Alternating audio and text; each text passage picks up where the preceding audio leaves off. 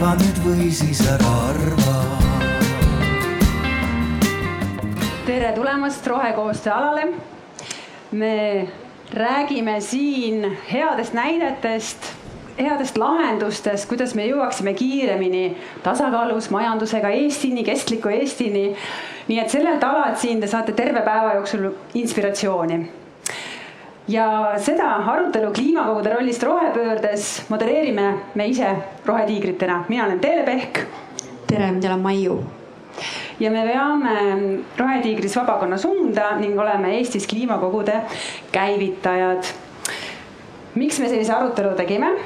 Äh, sellepärast, kohe jõuame teieni ka sellepärast et rohepöördes on selle kõrval, et mida teha ja mida mitte teha, millest räägivad siin tänased järgmised arutelud ja väga paljud teised arutelud äh, mujal festivalil, on hästi oluline ka see, et kuidas teha. ehk selline protsessiline vaade sellele, kuidas me langetame olulisi pikaajalisi ühiskondlikke otsuseid, kuidas me neid ellu viime ühiskonnana, sootsiumina ja, ja kuidas äh, üldse kodanikke võimestada. sellepärast me siin oleme ja sellise protsessilise vaate me võtame äh, kliimakogude formaadi kui siis ühe inspireeriva rahvusvaheliselt ennast tõestanud äh, koosloomemeetodi kui sissevaatena ja me oleme kutsunud, kuna see on inspiratsiooniala, siis me oleme kutsunud siia hästi inspireerivad inimesed ka ja miks just need inimesed, selleni me jõuame natukene hiljem, aga tutvustan siis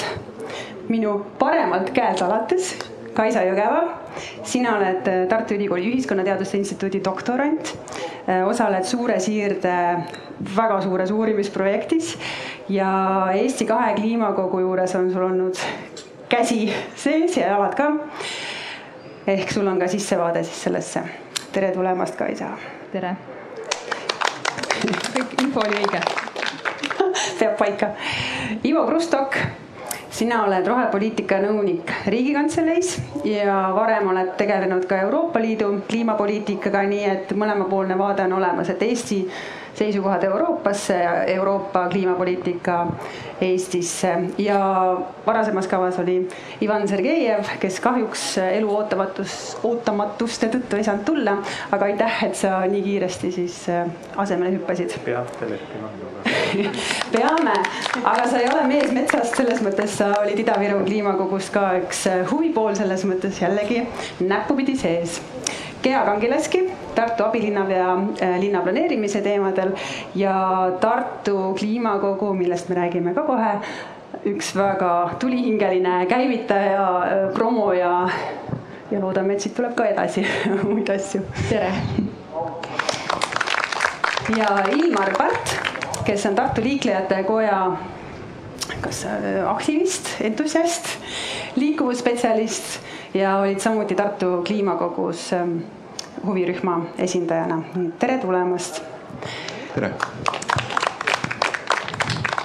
nii, ja meil on väga selge plaan, et järgneva poole tu teise tunni äh, lõpuks on teil äh, väga hästi teada, mis asjad on kliimakogud äh, ja miks neid võiks vaja olla ka Eestis rohkem korraldada, mis see kasu võiks olla rohepöörde kestliku tuleviku loomisel ja, ja me loodame, et te saate ka siit innustust, võib-olla hakata nõudma, otsima võimalusi, kuidas neid kliimakogusid rohkem teie kodukohas või teile olulisel teemal äh, korraldada. Ja me ise siin arutelu ülesehitusel me võtamegi äh, inspiratsiooniallikana kohe kliimakogu enda sellise eripärase, väga selge äh, struktuuri ülesehituse ja käime need etapid, mis ka kliimakogus on iga kord, käime koos teiega läbi ja selgitame siis ka juurde, et miks ja kuidas. ja teile ka, ma saan aru, et soojendust pole vist vaja teha praegu, aga, aga et, et natuke häälekoeltele võib-olla sooja teha, et kõigepealt küsikski teie käest, et andke käega märku. Ähm, et kes on kliimakogudest kuulnud? Hmm, et väga uus teema ei ole nii, aga kui me räägime siin täna sellest, et äh, rohepöörde elluviimisesse on vaja ka inimesi kaasata, siis andke käega märku, et, et äh, kuidas te arvate, kas on veel aega tavalisi inimesi kaasata ka rohepöörde kursi otsustesse? on? nii ja natuke pikem puhkepaus on veel aega, väga hea, siis hakkamegi kaasamist äh, niimoodi innovaatiliselt edasi arendama just kliimakogudega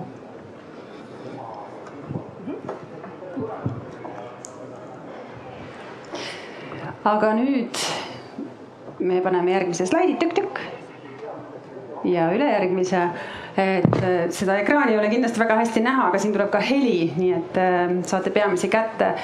vaatame väikese sissevaate Tartu kliimakogusse, mis toimus sellel kevadel. Need meeleolud, need emotsioonid sealt äh, koha pealt, siis te saate võib-olla parema ettekujutuse, et mis asi see kliimakogu ikkagi on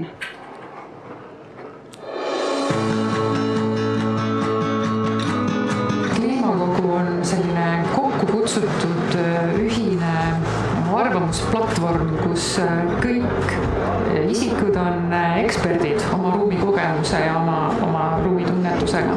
ja igaühe arvamus on selles mõttes oluline, et kuidas me näeme erinevatest vaatevinklitest seda, kuidas Tartu linn võiks olla parem. kliimakogu on selline kaasamise demokraatia formaat, mis toob kokku juhuvalimi inimestest, kes siis moodustavad väikese mini-omavalitsuse, antud juhul siis mini-Tartu, kes esindavad Tartut erinevate karakteristikute nii-öelda alusel, et oleks erinev jaotus sooliselt, oleks esindatud erinevad haridustasemed, oleks erinevad piirkonnad linnast esindatud ja need inimesed siis arutasid läbi hulga erinevaid Tartu ees seisvaid väljakutseid, mis puudutavad rohelist linnaruumi, jõudsid ettepanekuteni, mida nad tahaksid linnale teha ja nüüd hääletasid ka need ettepanekud läbi, nii et siit kuskil oma poolsada ettepanekut läheb edasi Tartu linnale selleks, mida siis teha, et Tartus saaks ägedam ja rohelisem linn. me tegelikult ei keskendu probleemidele kui sellisele, vaid keskendume ennekõike lahendustele. pidime siis leidma lahendusi nii füüsilise ruumi koha pealt, aga ka, et okei okay,, et kuidas me saaksime aidata inimestel oma harjumusi muuta. mul on kõnnitee on mingisugune selline rühmaline olnud sinna, mis on nagu sisse tallunud kohati. tegelikult koolihoov on väga hea näide sellest, kus on võib-olla natuke laieneb. minu arust on eriti selle asja organiseerimata, seal on ju see karupark, eks ole, mis selle aia mõte seal on? kõiki korraldajaid üllatas see, et kui kaasas inimesed olid selle protsessiga, sest Nad tundsid nii suurt sellist kodanikku kohustust, et äh, arutada ja veel arutada lõunapausid, et ja see on ruttu ära, et korrutame ruttu edasi. ma arvan, et siin on äh, inimesed, kes võib-olla tunnevad paljud esmakordselt, et neid reaalselt kuulatakse. See on hästi võimestav kogemus osalejatele, sellepärast see arutelu atmosfäär ja see tingimused on loodud selleks, et üksteist kuulata ja, ja ideid põrgatades, et edasi neid arendada sellisteks ettepanekuteks me tõestasime siin selle ära, see toimib ja nii paljud osalejad tulevad, ütlevad, et noh, et vaated muutusid näiteks sõbralikumaks, keskkonnasõbralikumaks, võib-olla isegi äh, teistsuguste inimestega arvestavamaks äh,. jällegi kindlasti annate väga paljudele järgmistele, kes kutse saavad, nii-öelda orientiiri, et see on mõttekas protsess läbi teha. me läheme siit edasi, meie plaan Rohetiigriga on tegelikult ikkagi Tartuga kui sellise väga eesrindliku linnaga ja kliima, kliimateemade suunas Kapa linnaga veel teha. et muutagi see üheks selliseks platvormiks, mille kaudu otsustatakse, mida linnas teha ja kuidas linna juhtimist üldse kujundada ja milliseid otsuseid vastu võtta. et palju lihtsam oleks mitte midagi teha ja jätkata vanaviisi, nagu on olnud, sest inimestele ei meeldi tihtipeale muutused. et mul on väga-väga hea meel, et Tartu on võtnud sellised julged eesmärgid. This um, assembly has been an eye opener how a city can be planned and make it smart. So it gives me hope that our climate can have a second chance. And because it's going to be sustainable for all of us, then we are going to have our planet here for a very long time.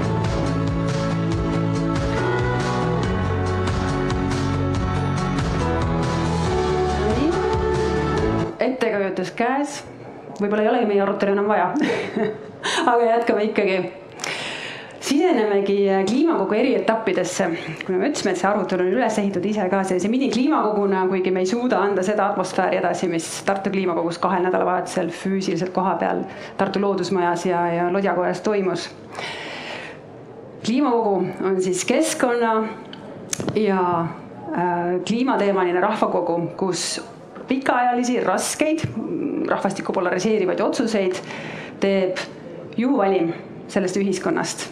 mingi, mingi arv, Tartu puhul nelikümmend viis, Ida-Viru kliimakogul, kogu puhul kolmkümmend kolm mm, siis selle ühiskonna esindavat inimest vastavalt äh, sellele soolisele jaotusele, vanuselisele, hariduslikule ehk mini, miniavalikkus, miniühiskond.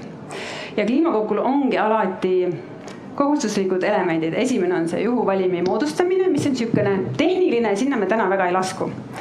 aga, aga see on hästi oluline, sellepärast et otsuseid ei tee valitud äh, poliitikud. teine kohustuslik etapp on, ma ei tea, kuidas te neid näete, need on ka siin on äh, teadmiste omandamine, siis püstitatud teema kohta pildi saamine, et milles on asi. teaduspõhine, faktipõhine info teadlastelt, ekspertidelt, mõttekodade inimestelt, kellelt iganeselt. kolmas hästi oluline etapp siin, õigemini teine, kuulamine.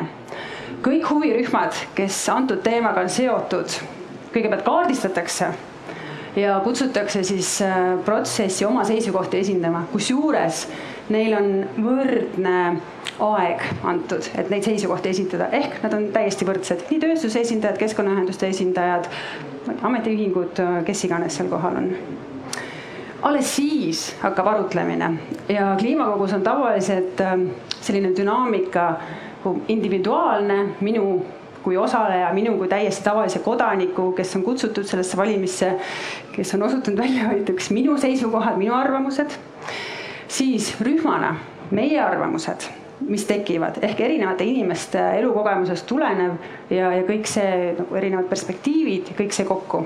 ja siis see kliimakogu seltskond, kas on nelikümmend viis, kolmkümmend kolm riiklike puhul võib-olla sada inimest, selle terviku äh, selline kollektiivne arvamus, ähm, seisukohad. et kogu aeg selle kolme tasandi vahel laveerimine on selles arutelufaasis hästi oluline. Järgmine etapp on ettepanekute moodustamine.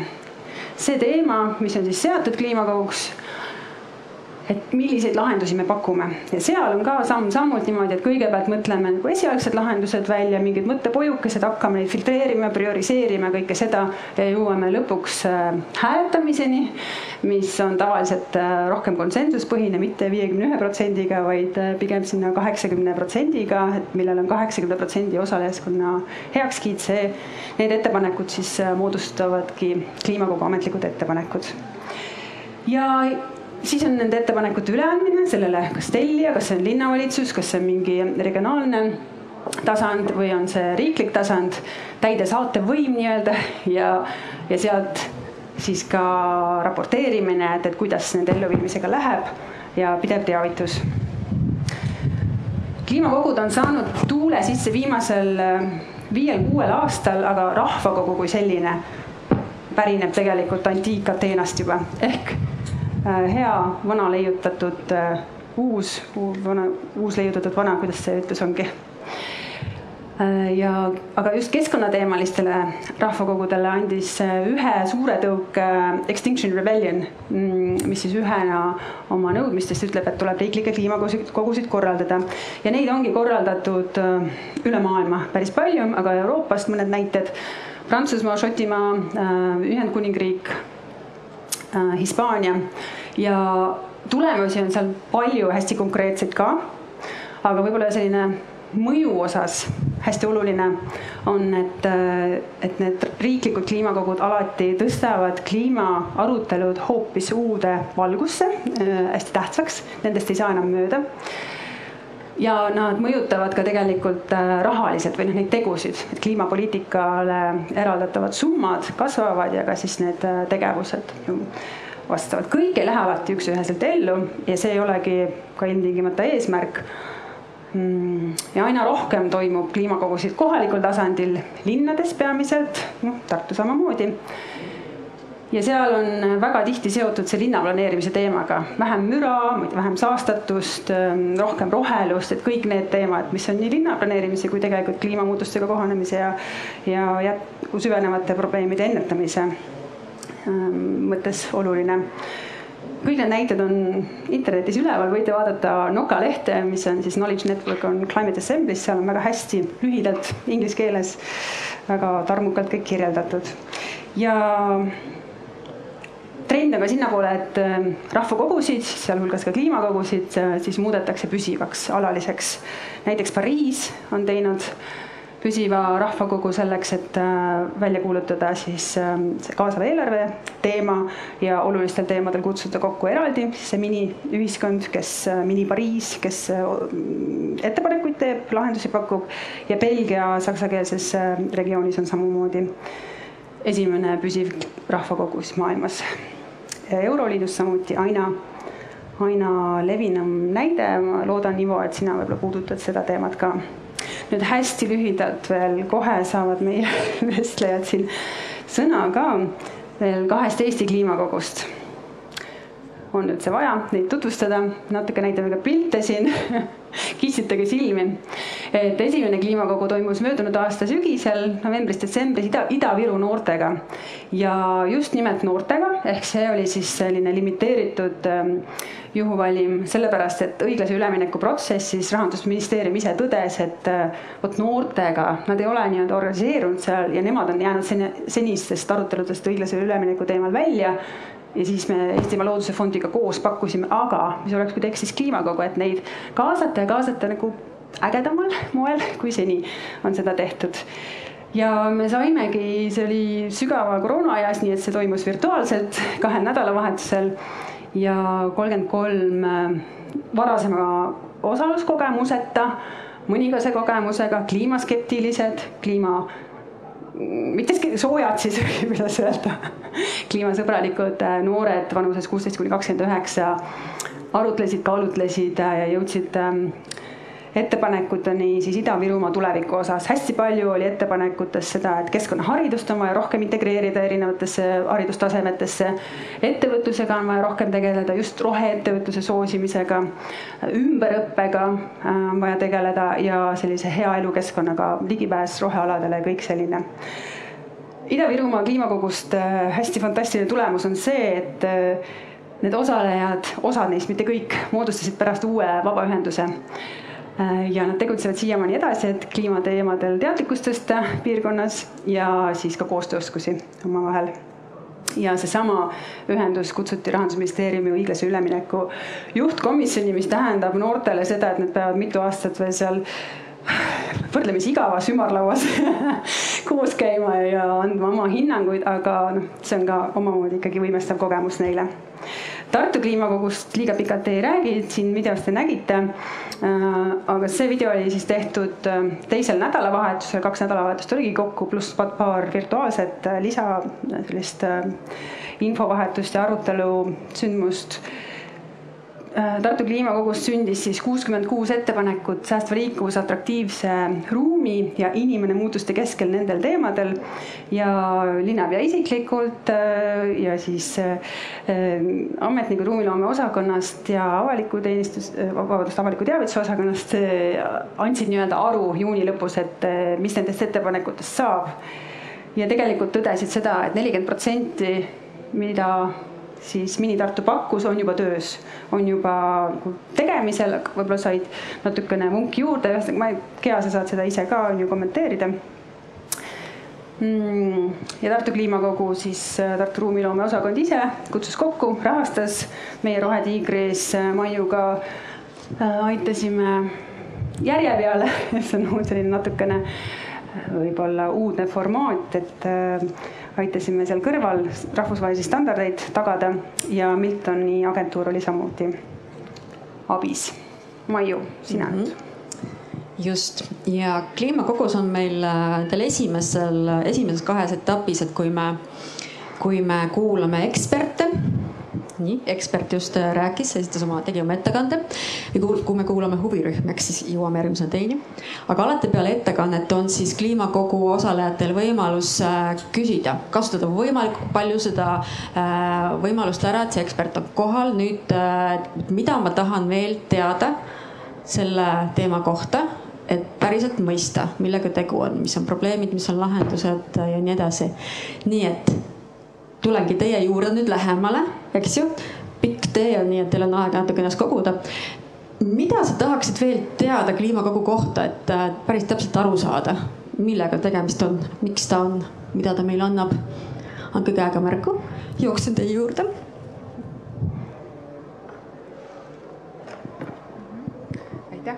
mina tahaksin paremini aru saada, et kuidas need muutused siis päriselt ellu viiakse või et kuidas on see tagatis, et mingi ettepanek, mis on saanud palju toetust, ka läbi viiakse päriselt ja ma saan siin ka osavalt delegeerida vastama näiteks Kaisat, kui sa oled valmis selleks ja mm, -hmm. ja ma võin otsa lahti teha ja siis julgelt äh, täiendage. väga hea küsimus ja minu arust, mis on kliimarahvakogude tugevus, on nii, et äh, ütleme nii, et kui ma korraks annan üldist raami, on nii, et on siduvad kliimakogud ja mittesiduvad ja mittesiduv on siis see, kus inimesed arutlevad, teevad ettepanekuid ja tegelikult need pärast ei ole kedagi, kes peab selles mõttes nendega edasi tegelema või seda poliitilist vastutust ei tule. aga mida vähemalt me Eestis juurutame ja tegelikult ka Euroopas just need, mida just kiidetakse, ongi need, kus on siduvad. ja see tähendab seda, et juba alguses, kui kliimakogu nii-öelda hakatakse korraldama, tegelikult otsitakse üles, et kes on see tellija. et näiteks Tartu puhul oli väga selge, on ju, Tartu linn tuli kohe kampa, nad said aru, et need, et see, et kuidas me muudame Tartu linnaruumi ohutuks ja atraktiivseks, rohkem kesk, säästlikku liikumist. aga meil on vaja neid otsustajaid päriselt juurde, meil on vaja päriselt sisendit inimestelt, et me julgeks teha neid julgemaid, keskkonnasäästlikumaid otsuseid, et see on nagu hea näide, et ühesõnaga kohe alguses, kui tahta päriselt olla mõjus, tuleb lihtsalt leida üles need, kes pärast vastutaksid. jah. veel üks küsimus mul tekkis tegelikult kaks küsimust. kõigepealt, et kuidas ähm, te otsustate, kuidas valida eksperdid, mis on need täpsed nagu otsused, otsuste taga, et, et miks, miks just need, miks just see komplekt eksperte? Ja teisest küljest, kuidas te muudate siduvaks, sest paraku on mul kogemusi just Extinction Rebellioni äh, nende samade üritustega seoses, et see tingimata nii ei, ei pruugi minna. tehakse küll väga tore üritus ja kõik on väga kaasatud, aga sinna see jääb äkki ekspertide osas ma vastan vähemalt ise. vasta ja Maiu saab täiendada, sest äh, Ida-Viru kliimakogus, Kaisa, sina vastutasidki nii-öelda teadmussiirde eest, onju mm. -hmm. ja et äh, Ida-Virus mina vastutasingi selle eest, et oleksid, kõigepealt seal on nagu teadlased ja siis on huvirühmad ja need on kaks eraldi gruppi. ja teadlastele antakse rohkem aega nii-öelda, et rääkida, seletada lahti, mis on kliimamuutused, mis on õiglane üleminek, mis iganes siis need teemad on, et seletada läbi välja, selgitada, mis on parim teaduslik teadmine. Ja siis on huvirühmad, kes on selgelt mingi kindlama huviga, näiteks keskkonnaorganisatsioonid, ametiühingud olid meil, Eesti Energia, et sa võtad nagu konkreetsed äh, huvirühmad ja neil on siis vähem aega öelda, mis on nende arvates oluline, mida äh, kliimakogu osalejad peaksid arvesse võtma. ja nüüd, mis on kihvt nagu kliimakogude puhul ja üldse rahvakogude puhul, on see, et äh, see on hästi läbipaistev, kuidas neid teadlasi ja huvirühmi valitakse, ehk mina saatsin kõigepealt nagu kutsed, et näed, et, et siin on tulnud sisend mitmelt osapoolelt, et vot teie võiksite olla üks potentsiaalne, kes näiteks seletab meile kliimamuutusi. ja siis on niisugune valik mitmest inimesest, kes potentsiaalselt võiks Eestis olla ekspert selle juures, aga kõik saavad põhimõtteliselt, teised näevad, keda pakutakse välja. ja näiteks ka huvirühmad, näiteks teadlaste puhul ongi hea, et kui nüüd valitakse keegi, kes on tegelikult avalikus meedias ja väga selgelt tegelikult mingi oma agendaga, noh, et, et see on nii normaalne või tegelikult ka nagu tavaline, et, et eriti Eestis, mis on väike ühiskond, ühel inimesel on mitu eri rolli. ja siis on näiteks oligi ühe inimese puhul oligi nii, et ta oli küll tegelikult selle nagu loodusteaduse väga tugeva taustaga, aga kuna me teame, et ta on ühe vabaühenduse juhatuses, siis meile tundus, et see poleks võib-olla natuke kallutatud, leiame kellegi veel neutraalsema ülikoolist, on ju. et seal on minu arust, see on päris kihvt, et kõik saavad põhimõtteliselt kõiki blokkida ja see on nagu hästi läbipaistvalt tehtud, jah Maiu, kas sa tahad äh, Tartu puhul kommenteerida, sina vastutasid teadmussiirde eest mm? -hmm Mm, ma võib-olla täiendaks seda, et noh, lisaks sellele, eks ole, et seda neutraalsust ja, ja, ja selle ekspertsuse nagu vastuvõtlikkust nagu kaaluda, eks ole, et. et kes need inimesed on ja on, on kaks aspekti, üks asi on see, et kliimakogude puhul või nende rahvakogude puhul hästi palju auru ja mõtlemist pannakse alguses sellesse, mis on see katusküsimus. millisele küsimusele me hakkame vastama, et kliimakogu on tal tavalistele inimestele siis, eks ole, et kes me loodame, ei ole tohutult palju selles teemas ennem sees olnud et, et nemad saaksid aru, mis see küsimus on ja oskaksid siis vastata, et, et, et selle nagu määratlemine on ka päris tükk tegemist ja see tegelikult avabki siis need järgmised valikud, eks ole, et keda me vajame, et seda selgitada, seda taustainfot, teadmist anda teine asi võib-olla, mis meil Tartus tuli välja, mis tegelikult on äh, hea, ma arvan, et ikka nagu hea asja, toon selle välja. et meil ka tellijaga mõnes mõttes nagu arutelus me ka kaalusime neid eksperte läbi ja tellija aeg-ajalt ka küsis, et nii, et kas teil on juba teada, kes need on, et ega ometi keegi eluvõõras ei ole, et. et ühesõnaga, et me ikkagi arvestame ka siis seda nagu tellija ähm, neid äh, vajadusi, et, et see kliimakogu päriselt praktiliselt aitaks tal ähm, edasi minna, edasi liikuda teemadega, et, et eksperdid ka peaks olema siis sellele tellijale avaliku sektori poolt tegelikult hästi vastuvõetavad ja arusaadavad, miks nemad. Ja, ja Aet, sa küsisid ka selle sidumise kohta, et kuidas me seda tagame, et Eestis me oleme võtnud selle seisukoha, et me teeme ainult siduvaid kliimakogusid siis rohetiigrina ei ole mõtet teha neid teaduslikke eksperimente on ju, mida ka maailmas tehakse või, või väga palju on ka sihukest tavalist kaasamist või avalikku konsultatsiooni, millele pannakse siis kliimakogu silt on ju juurde ja tegelikult ta ei ole absoluutselt seda, et noh, nagu ikka nende uute formaatidega, et koosloomeks nimetatakse ka seda, kui ma ei tea, kirjad välja saadetakse ja oodatakse vastust kirjalikult et seda me ei taha teha. Aitäh küsimuste eest, nüüd äh, kliimakogus on meil järgmine etapp, et kuulame siis ära selle teema järgmised erinevad äh, huvipooled, et meie teema siis täna on, et äh, kuidas saaks kliimakogud rohepöördele kaasa aidata. Ja selle huvirühmade esindajad, huvipoolte esindajad ongi meil siin teie ees niimoodi natuke lihtsustatult palun teile tutvustada. ja, ja et äh, teile ongi siis äh, meie arutelu pealkiri küsimuseks, et kuidas kliimakogud aitavad rohepöördele kaasa. Teil on äh, võrdselt aega kuni neli minutit, on ju, te olete väga võrdsed kõik siin huvipooltena. aga natukene selgitan, et miks me teid kutsusime, miks me näiteks ei kutsunud mõlemas Eesti kliimakogus osalenud seda mini, miniühiskonda on ju, mini-Tartut, sest põhimõtteliselt nemad on oma töö ära teinud juba, nad on panustanud oma nädalavahetused, oma pere arvelt aega võtnud, südamega, noh tõesti lõunapausid peaaegu vahele jätnud, et ikkagi edasi arutada ja seda rühma dünaamikat nautida ja kõike. Nad tegid selle kõik ära. Nende sisend, ettepanekud on ju juba üle antud ja nagu olemas ja, tagasiside saadud.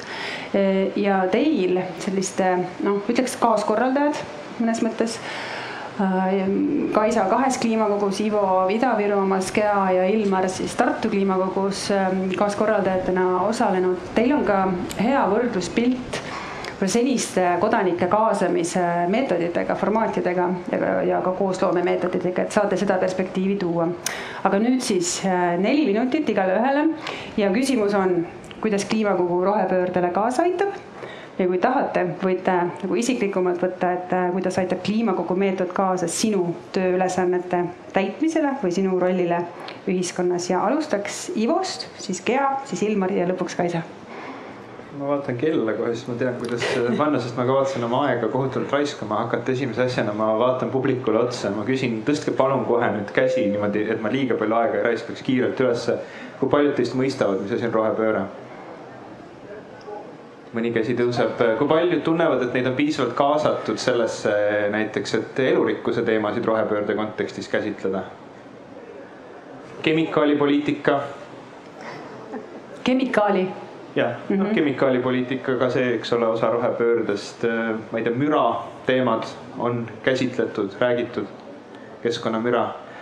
mul nagu see väga palju neid käsi siin ei tõuse, ma, ma nendele ütlen, kes kuulavad ekraanide tagant või hiljem läbi, läbi kõlarite või, või kõrvaklappide, et see, see mure, mis, mida siis ütleme, rahvakogu formaat aitaks kõige enam võib-olla rohepöörde kontekstis avada, on, on just seesama mõiste, et mis ta siis tegelikult on, mis kõik sinna alla kuulub ja kui lai ja, ja suur ja keeruline erinevaid nii-öelda aspekte käsitlev teema ta tegelikult on, et siin, siinkohal ma nagu hästi hea meelega või, või, või kohe nagu tugeva meelega kasutangi sõna rahvakogu, sest kui me äh, hästi palju keskendume kliimale, siis mul on selline tunne, et noh, et, et kuigi seda pole piisavalt ja, ja kuidas sa ütlesid, kliimasoe, et ma olen ka kliimasoe inimene pigem, eks ole, mitte skeptik, aga see on teema, mida on hästi palju käsitletud ühiskonnas. Äh, nüüd juba vähemalt sellisele piirini, kus võib öelda, et, et on tekkimas mingi normaalne käsitlus sellest teemast et need teised aspektid, mis ma siin välja tõin ja ka tegelikult need sotsiaalsed aspektid ja, ja sotsiaalmajanduslikud aspektid ei ole saanud äh, võib-olla nii palju kaasavat tähelepanu. ja nad äh, tõesti vajavad seda ja, ja seetõttu noh, ma ütleks, et rahvakogul on äh, kindlasti oluline roll rohepöördes ja, ja kui ma mõtlen selle konteksti peale, et mis siis minu, minu tööd kui sellist riiklikku rohepööret koordineerivat tegevust nagu saab toetada, siis, siis noh, lõpptulemusena need muudatused, mida rohepööre peab ühiskonnas kaasa tooma, on, on mahukad. Ja, ja, ja need ei ole sellised muudatused, mida keegi teine kuskil saab, saab iga inimese eest ära teha, et, et on aspekte, kus riik saab teha suuri, suure mõjuga otsuseid, on aspekte, kus ettevõtted saavad olla väga sellise nii-öelda teekonda näitava ja, ja hea suhtumisega ja sellise nii-öelda positiivse muutuse kandjad, aga lõpuks see tuleb igaühe otsusteni, see tuleb igaühe nii-öelda mõistmiseni ja, ja, ja, ja ka iga nii-öelda kodaniku tellimuseni ja seetõttu sellised äh, otsedemokraatiat toetavad meetodid nagu, nagu seesama äh, rahvakogu formaat on, et, et sellel saab olla, äh, olla hea roll. Kõik need asjad, mis siin juba küsimuste ja aruteluna välja toodi, noh, rahvakogud on riskantne teema. sa ei saa inimestelt mitu korda küsida ja oodata, et iga kord nad tulevad ja, ja annavad hea meelega sisendit ja teevad sinuga koostööd, kui sa selle peale, kui sa selle protsessi metsa keerad. sa ei tohi seda teha, see peab, ma tihtilugu viimasel ajal olen mõelnud, Andrus Ansip vist ütles seda kunagi, et protsess mitte ei pea ainult olema aus, vaid tunduma aus, et see on, ma arvan, et see on selle rahvakogu kontekstis veel eriti oluline. aga minu neli minutit on läbi. Mm, täpselt, aitäh sulle. Gea, sina Tartu Kliimakogu tellijana siis ja tellijana, kuigi ma vist väga palju selle tellija positsioonile praegu ei keskenduks.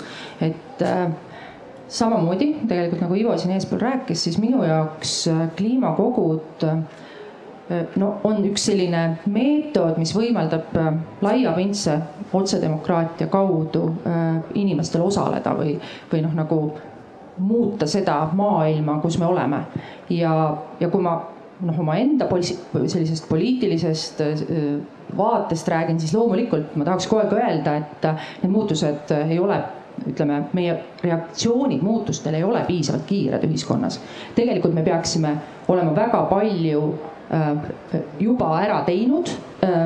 on, meil on siin ilmselt inimesed, nii mitmedki, kes tunnevad täpselt samamoodi, et, et me ei vasta sellele, sellele väljakutsele, mis meie ees on, äh, sugugi adekvaatselt. ja teisalt äh, on ühiskonnas väga palju inimesi, äh, kelle jaoks need muutused tunduvad vastupidi juba isegi praegu liiga kiired kes ei tule sellega kaasa, kes kahtlevad nii muutuste vajaduses kui, kui suunas, kui võib-olla selles drastilisuses, mis meie ees on üleüldse. nii et ma arvan, et hästi oluline on, et me ei klammerduks sellesse formaati, mis meil on siin Arvamusfestivalil mõnes mõttes, kus on mõned inimesed, kes räägivad ees ja teised kuulavad. Heal juhul saavad küsida küsimusi, selgitusi siis eh, selle, selle kohta, kuidas nad aru said, vaid et inimesed saavad ise teha ja, ja et nad tunnevad, et, et see, see nende otsustatu ja nende tehtu mõjutab eh, nende noh keskkonda, kus nad on. ja kohalikul omavalitsusel on kuidagi eriti lihtne näha seda kasu kliimakogu puhul mm, -hmm. sest et äh, kui me räägime äh, õiglasest üleminekust äh, kliimamuutuste kontekstis ja tegelikult õiglaste, õiglasest muutusest üldse mis tahes kontekstis, siis paratamatult otsustajad on üleval ja nad päriselt alati alla ei näe on piisavalt palju pimenurki, on piisavalt palju inimesi, kelle vajadused või probleemid ei hakka iseenesest silma. ja kliimakogu on üks selliseid äh, olukordi, kus me kaasame võimalikult äh, siis eri inimesi, eri äh, ütleme vanuserühmast, elukohast ja, ja mis kõige olulisem, neid inimesi, kes väga tihti ja tavapäraselt üldse kaasa ei räägi. me paneme nad kaasa rääkima anname neile selleks võimaluse ja lõpuks anname neile võimaluse ka ise otsustada. ja ma arvan, et just see iseotsustamine ongi kliimakogu puhul kõige olulisem ja selleks, et inimene saaks selle võimestatuse tunde, et sellest otsusest, mis ta teeb, on kasu. jah, peavad need kliimakogud tingimata olema siduvad. see tähendab seda, et ei ole mõtet inimesi kokku kutsuda ja neilt äh, otsustust äh, oodata või nõuda, kui ei ole kavas äh, pärast äh, seda koos nende inimestega ka ära teha. et äh, siin, äh, siin ilmselt jah, see oli ka kohaliku omavalitsuse vaatest üks kõige keerulisemaid küsimusi meie ees. see tekitas, ütleme, kui me rääkisime sellest, et kas me teeme kliimakogud, siis see tekitas kõige rohkem küsimusi nendes inimestes, kes on praegu otsustuspositsioonil. kas me julgeme Läheme sellist asja sinna, teha? läheme sinna veel sisse, on ju, neli minutit on läbi ja Ilmar, sinu neli minutit. just, aitäh. Eh, jah, et tegelikult Gea peaaegu ütles kõik ära juba aga ma natuke siis võib-olla noh, just selle huvirühma esindaja vaatest eh, siis ka räägin, et, et noh, mis see, see põhiline probleem ju huvirühmadel, noh, nii palju kui mina seda olen, olen näinud, on üks, on siis kuidas eh, saada mm, siis inimesi rääkima, kuidas neid kaasata ehm, et mis, mis nippidega inimestele see julgus anda, et nad tahaksid või see, või see tunne, et, et neil on mõtet kaasa rääkida. et, et kuidas seda teha, noh niimoodi, et sellest ka kasu oleks. et see on nagu üks pool ja siis see teine pool on muidugi see, et, et kuidas siis äh, seda häält äh, kuuldavaks teha. et, et kuidas siis jõuda selleni, et otsustajad siis ka arvestaks äh, nende, nende sõnadega või nende, nende arvamustega. et, et siin on nagu kliimakogul või rahvakogul äh, no väga mm, noh, suured nagu eelised või, või, või ma näen nagu seda, seda suurt kasu, mis sealt tuleb, et, et tõesti see kaasas, noh, mina olen näinud seda ainult Tartus, mul rohkem kogemust ei ole, aga tõepoolest see kaasas inimesi, kes muidu ei oleks iialgi oma suud lahti teinud, ei oleks, noh, neil võis olla arvamus, neil võis olla tahe eh, ka kaasa rääkida, aga, aga nad ilmselt ei oleks seda kunagi teinud. Ja neid kaasati ja, ja neile, neile anti see tunne, et noh, see vastutus või et, et see, mida nad äh, arutasid, mida nad otsustasid, et see on oluline ja et see jõuab kuhugi välja ja et otsustajad siis sellega ikkagi midagi pihta hakkavad. et see on nagu hästi oluline ja noh, ma muidugi tahaksin, et kõik inimesed tunneksid seda, et, et mul on nagu hästi kahju, et Tartust siis no nelikümmend viis inimest noh, said selle tunde, et tegelikult tahaks, et äh, sada tuhat inimest saaks selle tunde kätte. et see oleks nagu see, see nagu kõige, kõige suurem eesmärk ja siis muidugi see teine pool, et kuidas otsustajad eh, saada kuulama, et, et eh, kui sa oled huvirühm, eh, kuhu kuuluvad noh, ainult loetud hulk inimesi siis on väga lihtne otsustajatel öelda, et teie olete ju üks, üks huvirühm. et selleks, et tasakaalustada kõike, noh, me peame kuulama kõiki teisi ja, ja noh, et me ei tohi nagu nüüd liiga tõsiselt seda võtta ja nii edasi.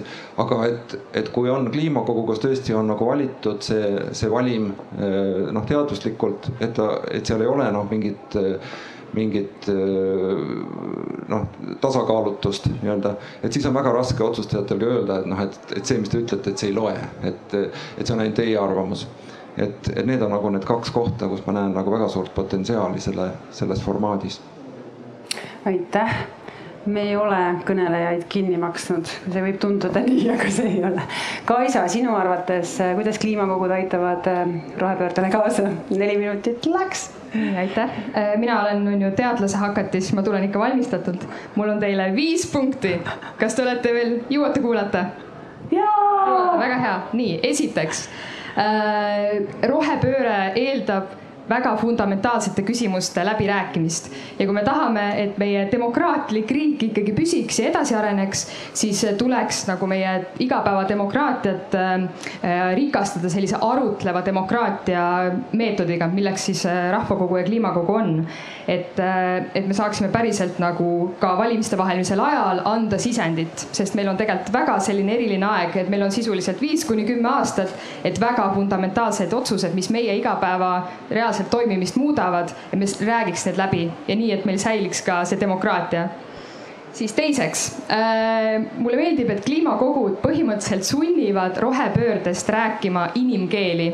Ja seda ma, kuna ise olen Ühiskonnateaduste Instituudi doktorant, teadlased, eksperdid vahepeal jäävad või jääme kuidagi mingitesse detailidesse.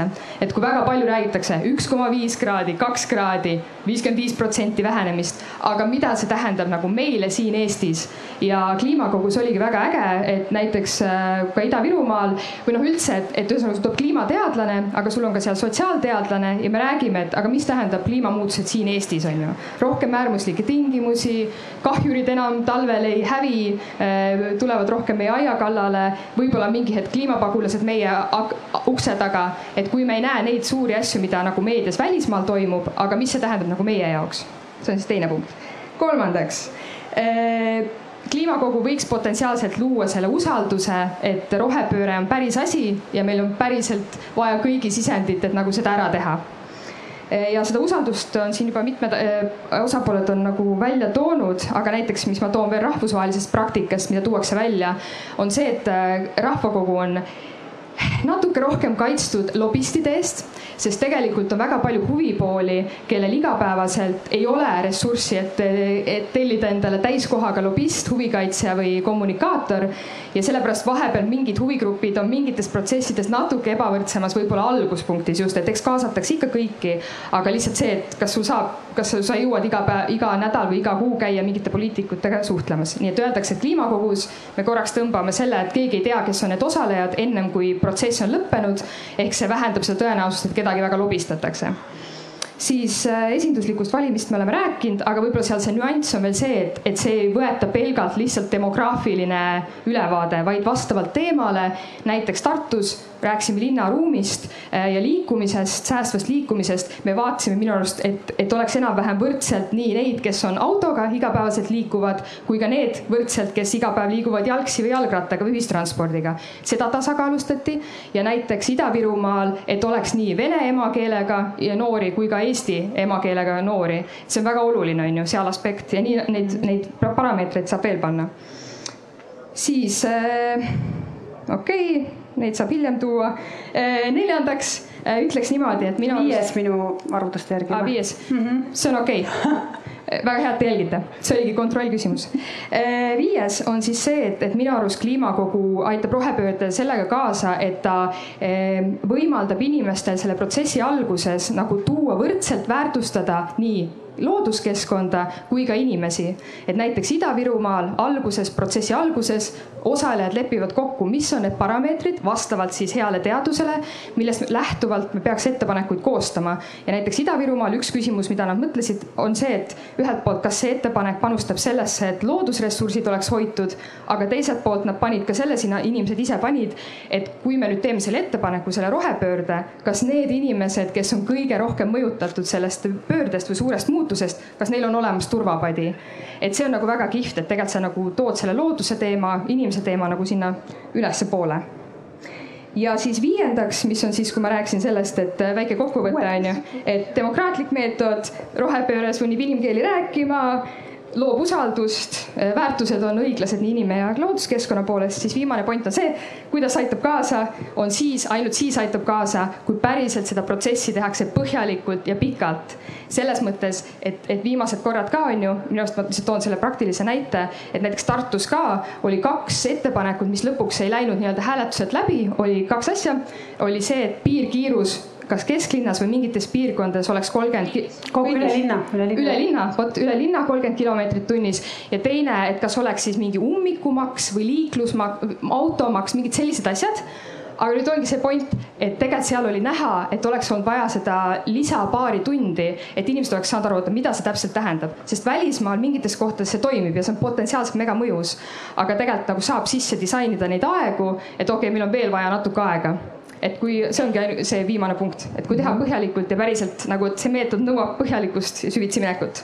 aitäh, Kaisa, teadlasel lasime pikemalt rääkida, sest ta on kõik asjad nii läbi mõtestanud, seostanud. just, aga te saite, te nägite siin ka täpselt nüüd seda, seda Kaisa spordis tegelikult äh, vast saite ka selle kogemuse, et, et kui me kliimakogusid korraldanud oleme, siis ekspertidel ja, ja huvirühmade esindajatel on väga piiratud aeg. ekspertidel oli kaksteist minutit, huvipooltel oli vist kuus minutit. kümme. oli kümme no, oleneb, see on disaini küsimus ka, kui palju andmeid on. eks ole, et kas oli kuus, kaheksa kümme, ikka on vähe.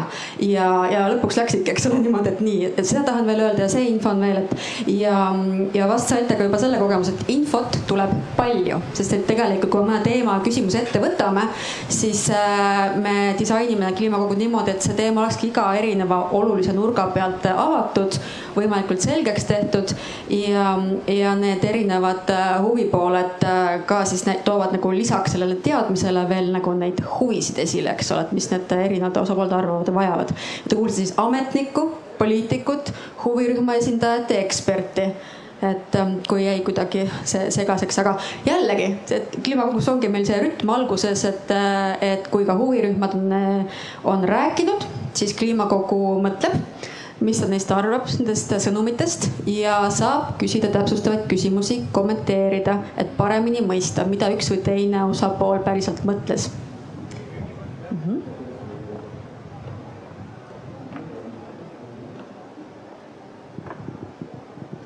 Aitäh. Äh, me teame, et tänapäeval on selline probleem, et on toimumas infosõda ja seoses sellega inimesed on tihtipeale nagu kallutatud oma arvamustes, nad usuvad mingisuguseid äh, valeuudiseid ja mingisuguseid äh, vandenõuteooriaid. ja kuidas te tegelete selle probleemiga, et kui seal kliimakogus on inimesed, kes on, no kes ei usu, ütleme teadlasi, ütlevad, et vot ma usun vot seda pseudoteadust kas sa adresseerid konkreetselt kellelegi või ma adresseerin ise? Näiteks. no, no ise vali, kellega sa tahad küsida. no Kaisa, äkki alustaks sinust, kui tahad, hea. Mhm. okei, et äh, no selles mõttes jälle tulles tagasi minu viimase väga hea punktini, et kliimakogu tegemiseks peab olema aega, aruteludele peab olema aega, siis see on nagu üks vastus, et tegelikult äh, sul on ettekanded ja siis inimesed saavad kõigepealt oma grupis kümme, noh, umbes näiteks see on lihtsalt üks näide, kümme minutit arutleda.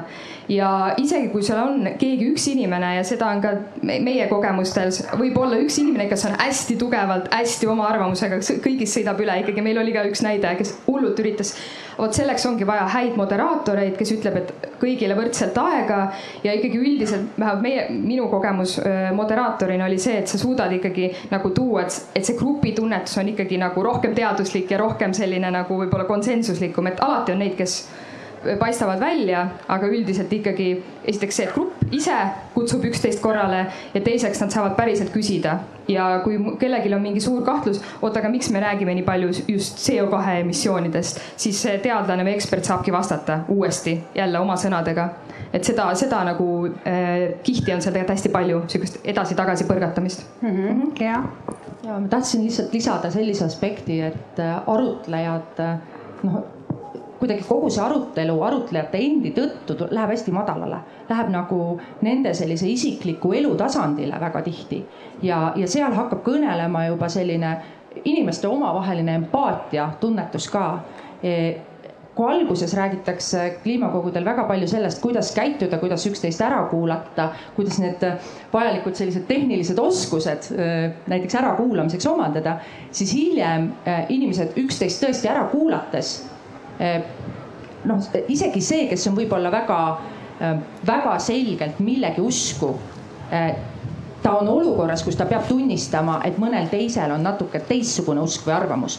ehk et nagu see, see päris kontakt teise inimesega, eriti tänapäeva olukorras kommentaariumist ja sotsiaalmeediast väljas, on minu meelest hästi oluline kogemus, see toob inimesed hoopis teistmoodi kokku, kui, kui tihti tänapäeval muidu juhtub ja ma arvan, et et otse ütleme sellist missioonitööd nii-öelda teha kliimakogu raames ongi raske, sellepärast et kui inimestele on juba kohale viidud see teadmine, et igaüks on siin võrdne tegelikult rääkima, siis see inimene, kes üritab teistest üle karjuda, kutsutakse väga kiiresti korrale.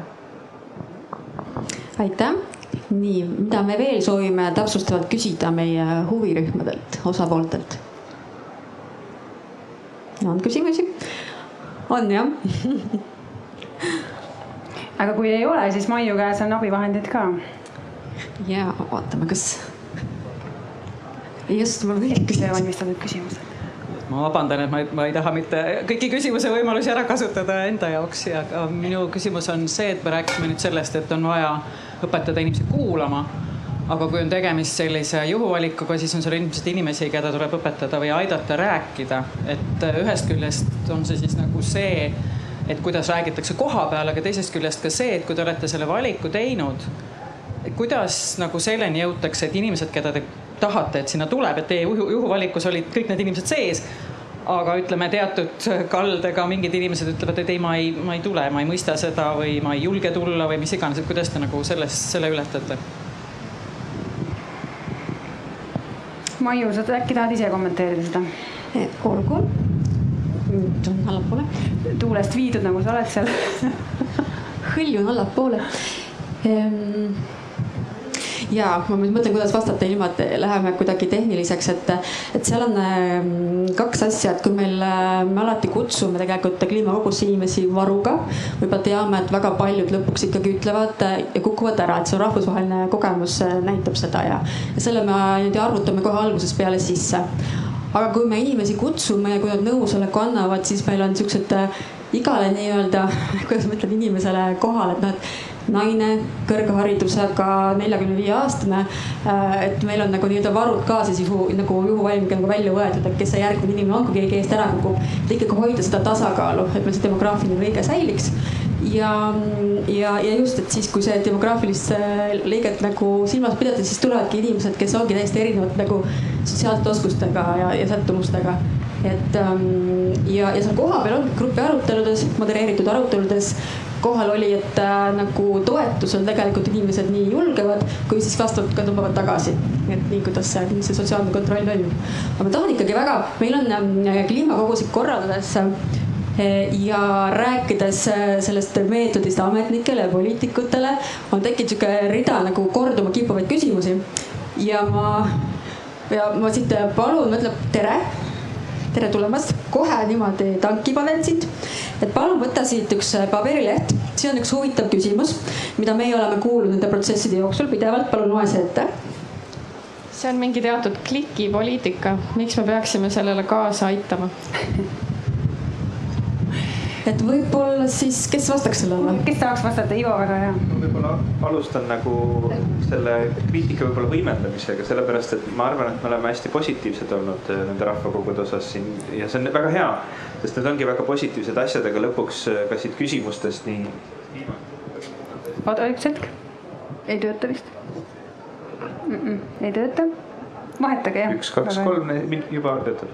et kas see tõesti siis äh, esindab vaid mingit klikki või, või tegelikult noh, mis, mis on veel oluline noh, nagu mõista kogu selle asja juures, et Eestis on esindusdemokraatia ja, ja Eestis on ka noh, lõpptulemusena ei saa rahvakogu formaat asendada kõiki aspekte ühiskondlikust diskussioonist ja ma usun, et keegi seda siin ei, ei väidagi, aga, aga lõpuks, kui ma olen Lembit Raplamaal, siis ma ei ole rahvakogu eks ole, ma, ma tahan ka, et minu, minu hääl ja mõte, eks ole, kuidagi, kuidagi siia protsessi tuleb ja seetõttu see piiritletus, mida nende rahvakogude kõigiga lahendatakse, tegelikult teatud mõttes lahendab ka selle kliki küsimuse, et loomulikult juhuvalimiga, teadusliku metoodika põhine, ta katab tegelikult oluliselt laiemalt seda, mida inimesed tegelikult tahavad ja ta saab aidata poliitika kujundamisprotsessi sisustada, ta saab aidata poliitika kujundamisprotsessi tugevdada. ta saab anda kindlust nii ametnikele kui poliitikutele mingite teemade osas. Aga, aga noh, kindlasti ei ole ta selline asi, et nüüd üks väike klikk. ma saan aru, et teie seda otseselt küsimust välja ei mõelnud, ma lihtsalt suunan teie poole selle vastuse. Ehm, et, et see konkreetne klikk nagu nüüd kindlalt eh, saab seda, mida tema ilmtingimata tahab, vaid ta ikkagi peaks olema laiem, aga need mured on noh, nagu hästi relevantsed ja, ja neid tuleb käsitleda mm. -hmm. ma tuletaksin meelde ühte sellist protsessi, mida, mida siiamaani sageli negatiivses võtmes esitatakse ehk siis, et äh, ega rahvakogu ei ole ju Eestis ainult kohalikul tasandil toimunud, oli üle, üleriigiline ka ja tihti viidatakse sellele kui äh, jääkeldris toimunud äh, oluliste arutelude sumbumisele. ja ma arvan, et üks oluline aspekt selle asja juures ongi see, et kui need kogud, rahvakogud on ühekordsed, siis inimestel tekib selline tunne, et okei okay,, te kutsusite meid kokku, küsisite midagi, me arutasime, andsime teile otsused ja nüüd te arvate, et kõik sai tehtud.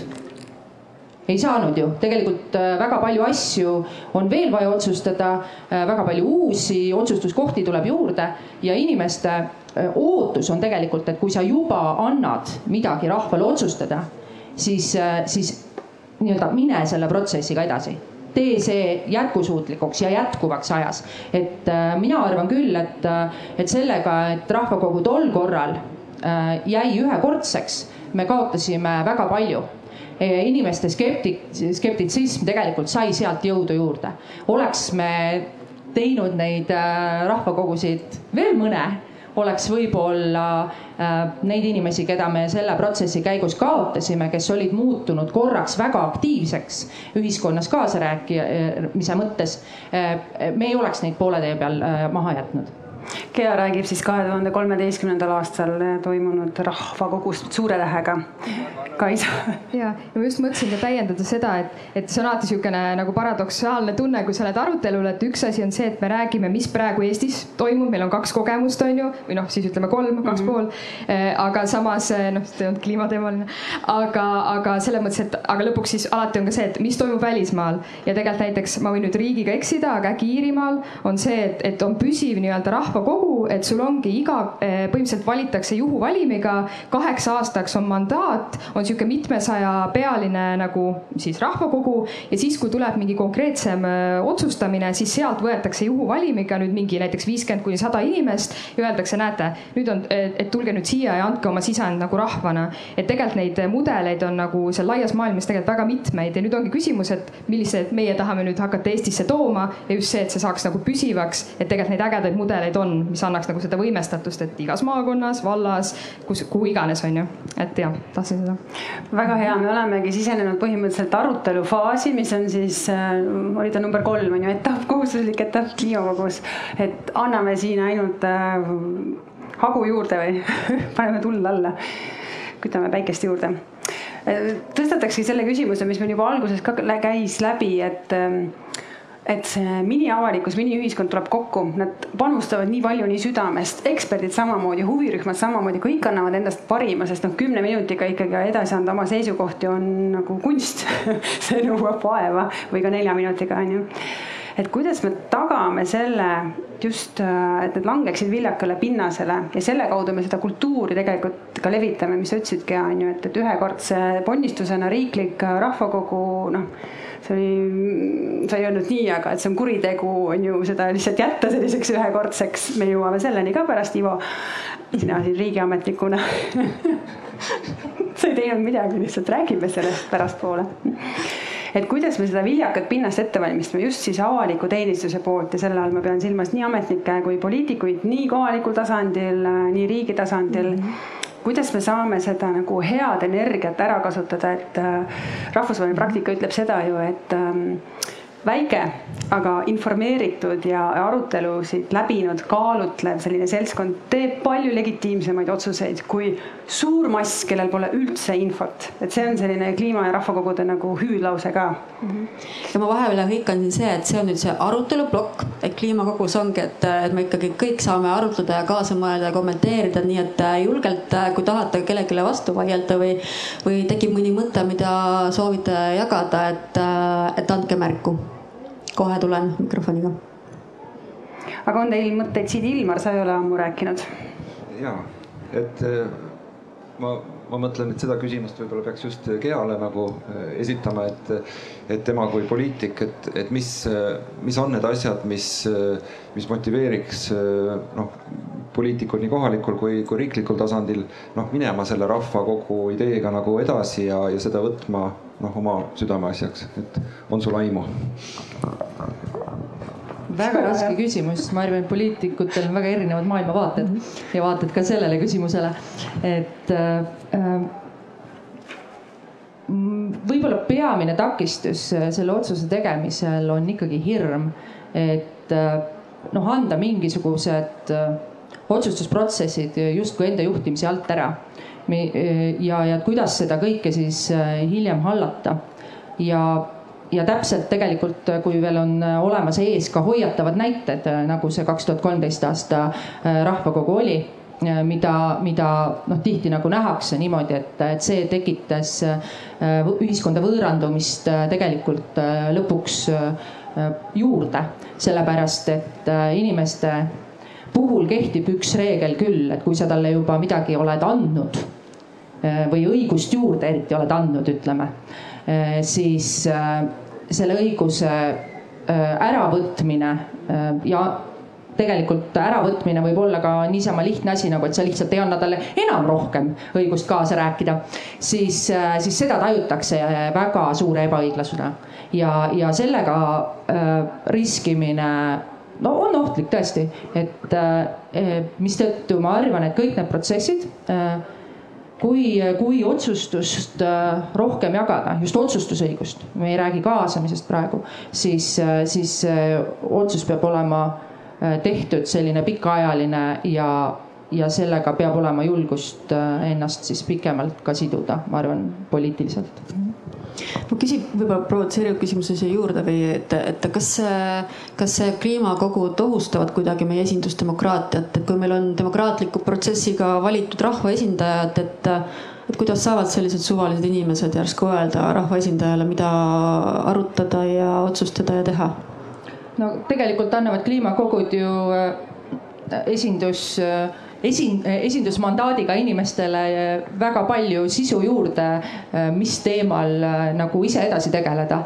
et, et siin võiks ju natuke noh, kuidas öelda, usaldada inimesi, et kui, kui, kuidas ma siis ütlen, mina poliitikuna näen seda nii need inimesed, kes on minu poolt hääletanud, olgu siis kohaliku omavalitsuse või riigikogu valimistel, ma tegelikult ei tea, miks nad minu poolt hääletasid ja, ja mis on nende inimeste eelistused.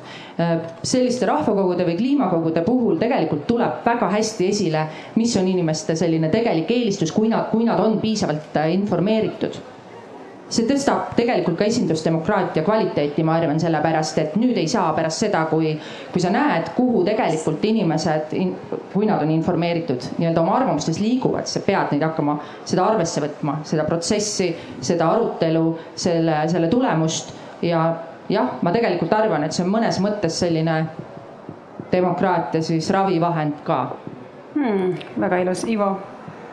ma arvan, et siin ja jällegi on hästi oluline see nii-öelda, et asjad, eks ole, mitte ainult ei ole ausad, vaid peavad ka tunduma ausad.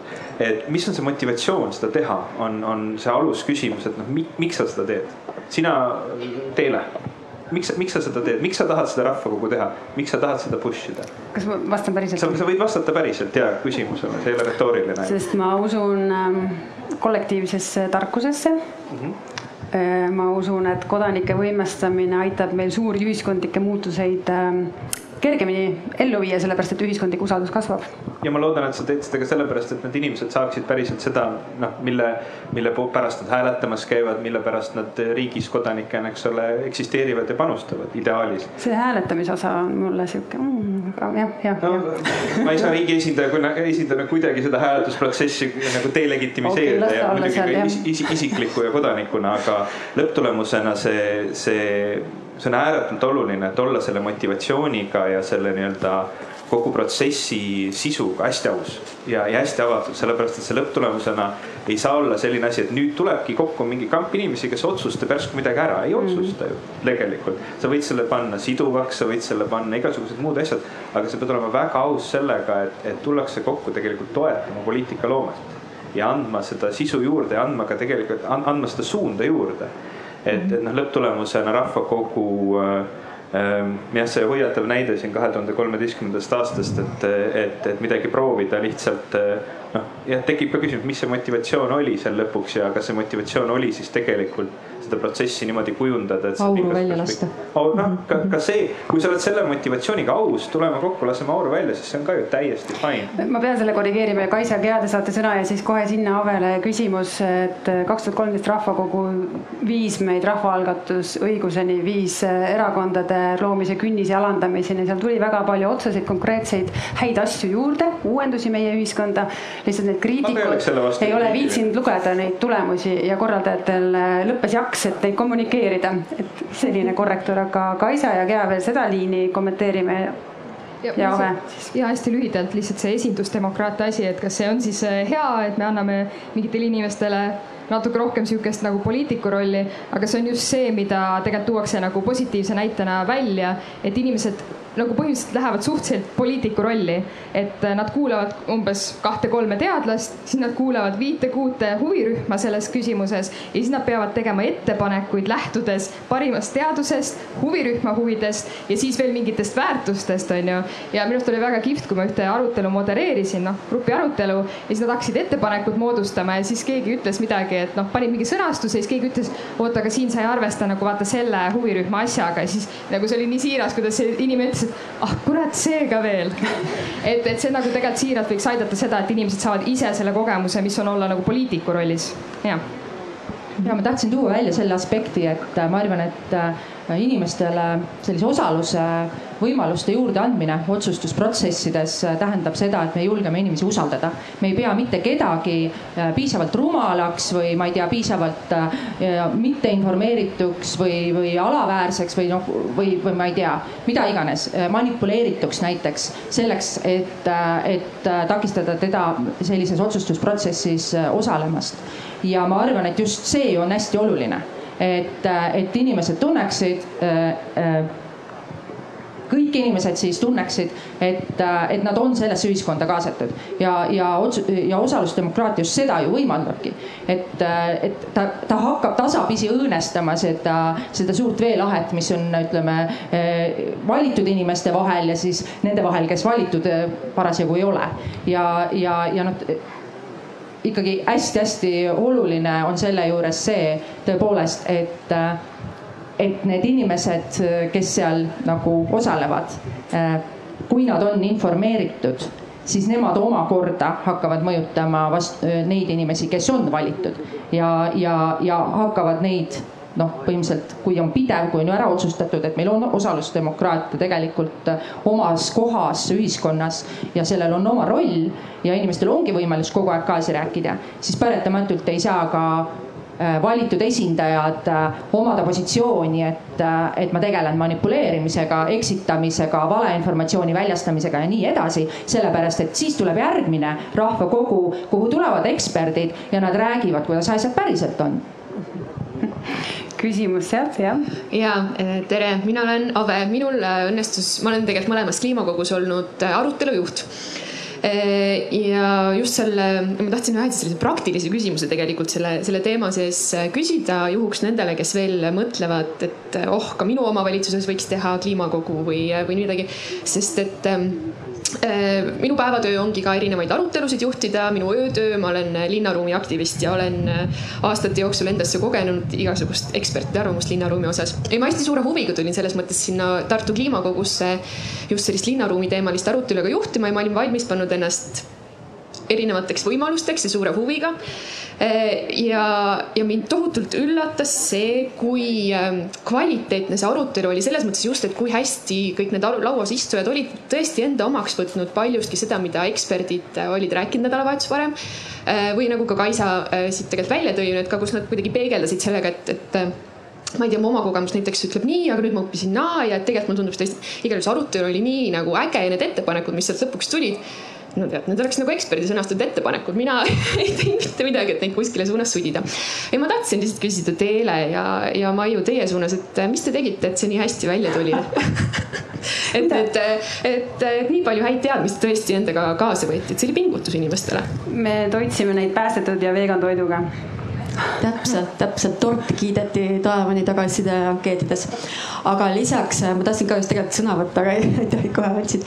et ähm, tahtsingi seda öelda, et, et see mega ekspertide, meil oli veel niimoodi, et kui olid esimesed arutelud ära ja esimene ring nagu siukseid ajurünnakust tulnud ettepanekuid olid laual, siis me andsime need veel Tartus, siis ma räägin Tartu NTS hetkel, andsime veel ekspertidele üle vaadata ja, ja nad kõik olid ka niimoodi, et oot, aga nad on nagu väga hästi seda, mida neile räägitud, mida nad kuulsid, ära kasutanud.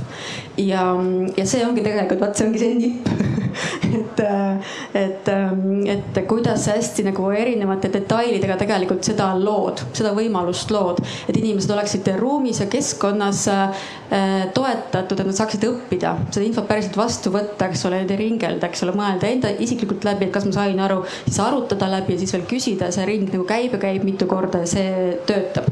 ja see on midagi, mida me kava, kaasamise protsessis tegelikult ei ole piisavalt teinud, kaasamine ise ei ole halb, ta lihtsalt peab hästi detailselt läbi mõtlema, siis ta on väga edukas.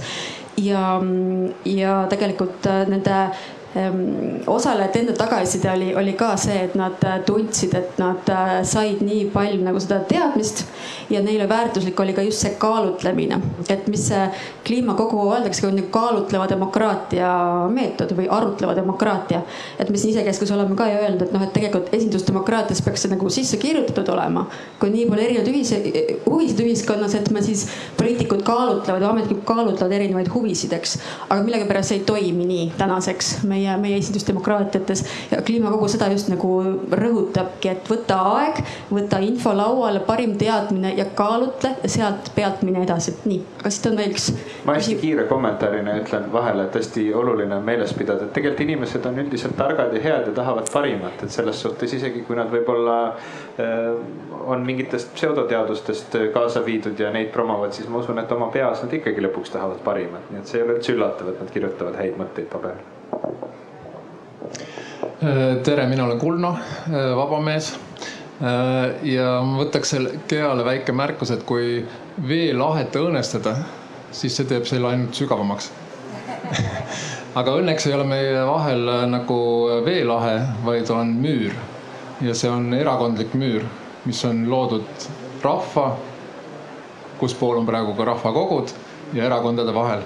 ja mu küsimus on ikkagi see, et okei okay,, sidus rahvakogu ja isegi kui seal on tellijaks taga äh, linn, mis ma oletan, et on tehtud nagu ametnik tellib või noh, volikogu tellib või? okei okay., aga, aga lõpuks läheb see siis ikkagi volikogus otsustamisele. ja noh, sa võid nimetada teda siduvaks, ega volikogu ju seda ei võta siduvana. seal ikkagi toimub hääletus ja erakonnad otsustavad ja üks oht, mida ma näen äh, rahvakogu puhul juhul, noh, tähendab, mina arvan ka, et sellega peaks raudselt edasi minema, see oli suur kahju, mis, et see pidama jäi kaks tuhat kolmteist. ma ise kasutasin selle muidugi ära, sest ma olin Vabaerakonnas üks asutaja tänu sellele me saime selle teha aga, äh, ja rahvas õpib muidugi ideaalselt nendes kogudes demokraatiat ja nii edasi, aga et see ei jääks mänguks. et see peab olema revolutsiooniline tegelikult ja see peab seda müüri õõnestama oht on selles, et mõni erakond võtab need rahvakogu äh, otsused nii-öelda enda agendasse. ja kui üks erakond seda on teinud, siis on teised selle vastu. ja seda me kuuleme homme õhtul erakonna juhtide väitluses, mis tase tegelikult on seal. nii et äh, noh, rahvana kasvamine meil võtab see veel aega ja siis võib-olla see revolutsioon tuleb Kulno, ma laiendaks, kui sa lubad sinu küsimust, et kuidas me seda rahvakogude kogemust ja seda viisi olulisi pikaajalisi otsuseid teha, kuhu laiendame ja juurutame? Igale ühele võin alustada? et äh, mina jäin selle peale mõtlema, et kuidas praegu Eesti inimesed tajuvad selle kaks tuhat kolmteist aasta rahvakogu tulemusi. jah, päris paljud otsused jõudsid sealt edasi Riigikogusse ja võeti noh, üsna suures üksmeeles vastu, sellepärast et kes ikka selle rahvakoguga vaielda tahtis, eks ole. aga ma arvan, et äh, need inimesed isegi, kes seal osalesid, võib-olla enam ei pea neid otsuseid äh, tingimata enda omadeks ja, ja rääkimata siis inimestest, kellel tol hetkel Äh, seal otsustusvõimalust ei olnud, nad lihtsalt ei saanud kutset sellele rahvakogule. et äh, ma arvan, et siin on, siin on taaskord see, ma kordan veel korra üle, kui oleks rahvakogu muutunud pidevalt toimivaks asjaks, siis, äh, siis see, just see ajaline järgnevus, see, kus sa näed, et, et inimesed viisid jälle midagi otsustuskogusse ja nad viisid jälle midagi otsustuskogusse. vot siis tekib see harjumus ja äratundmine ka, et, et kuhu suunas äh, see rahvakogu on siis Eestit viinud või ta ei ole viinud. et praegu me nagu noh, me ei tunne seda noh, meil ei ole seda teadmist sellest, et isegi kui me teame neid üksikuid mõningaid seadusmuudatusi, mis sellest äh, tulenevalt tulid.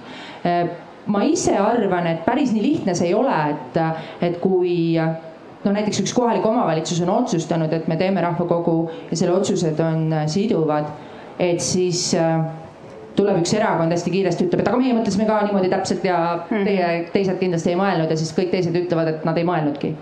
see ei ole nii lihtne selles mõttes, et, äh, et rahvakogu kui need otsustajad on süvenenud sellesse, miks nad annavad rahvakogule otsustusõiguse.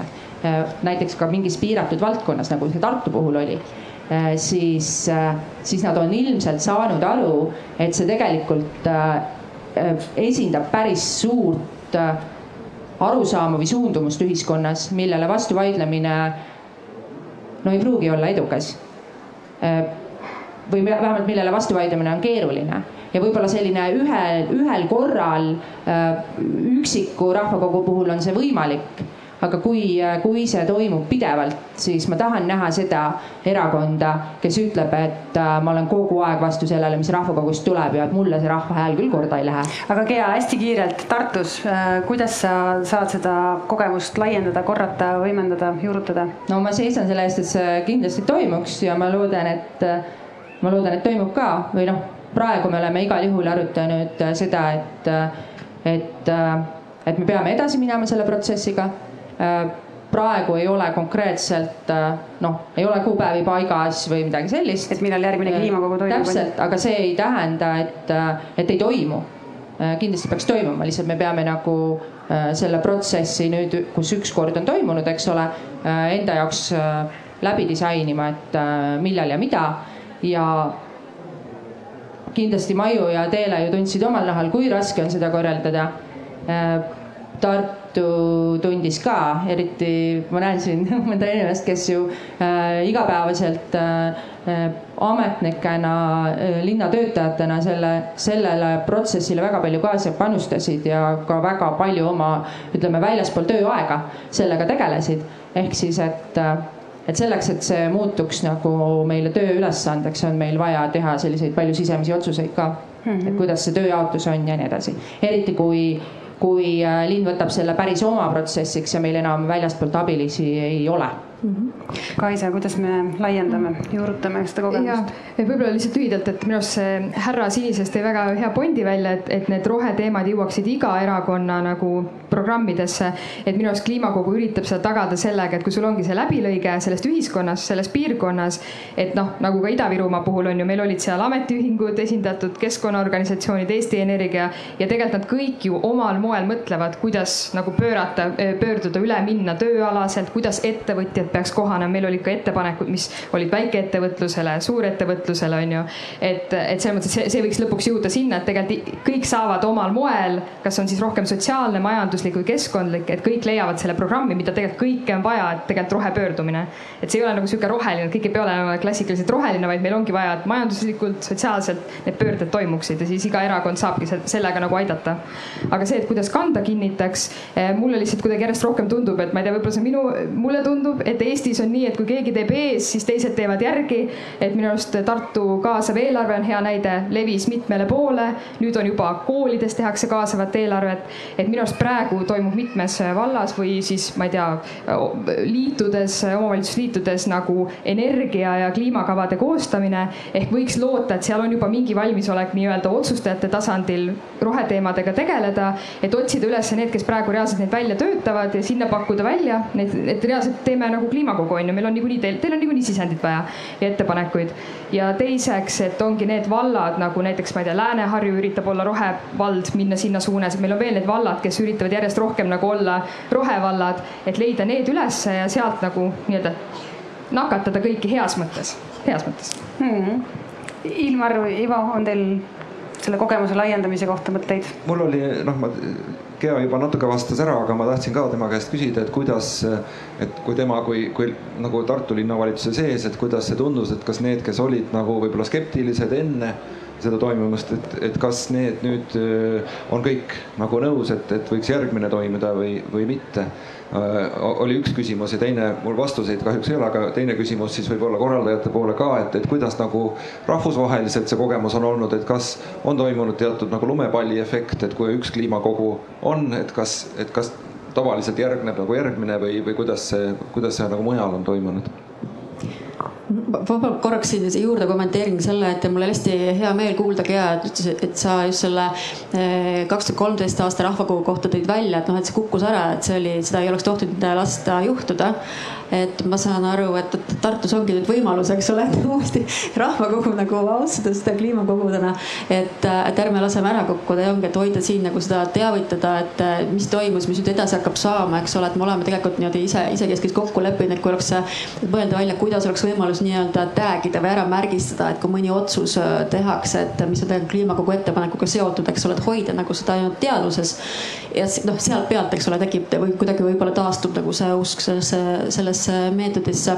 ja, ja tahtsin ka seda öelda, et, ähm, et me oleme kogunud nendest kliimakogu osalejatelt ka tagasisidet ja hästi äh, tegelikult kui noh, minul on analüütiku taust, et, et, et kui mõelda, et mis see et mis see nagu kliimakogu mõju on, siis täpselt need tagasiside tulemused äh, ütlevad, praktiliselt näitavad sama, mida värske juunikuine OECD raport äh, usaldusest äh,, demokraatlikest ühiskondadest, poliitilisest usaldus, usaldusest.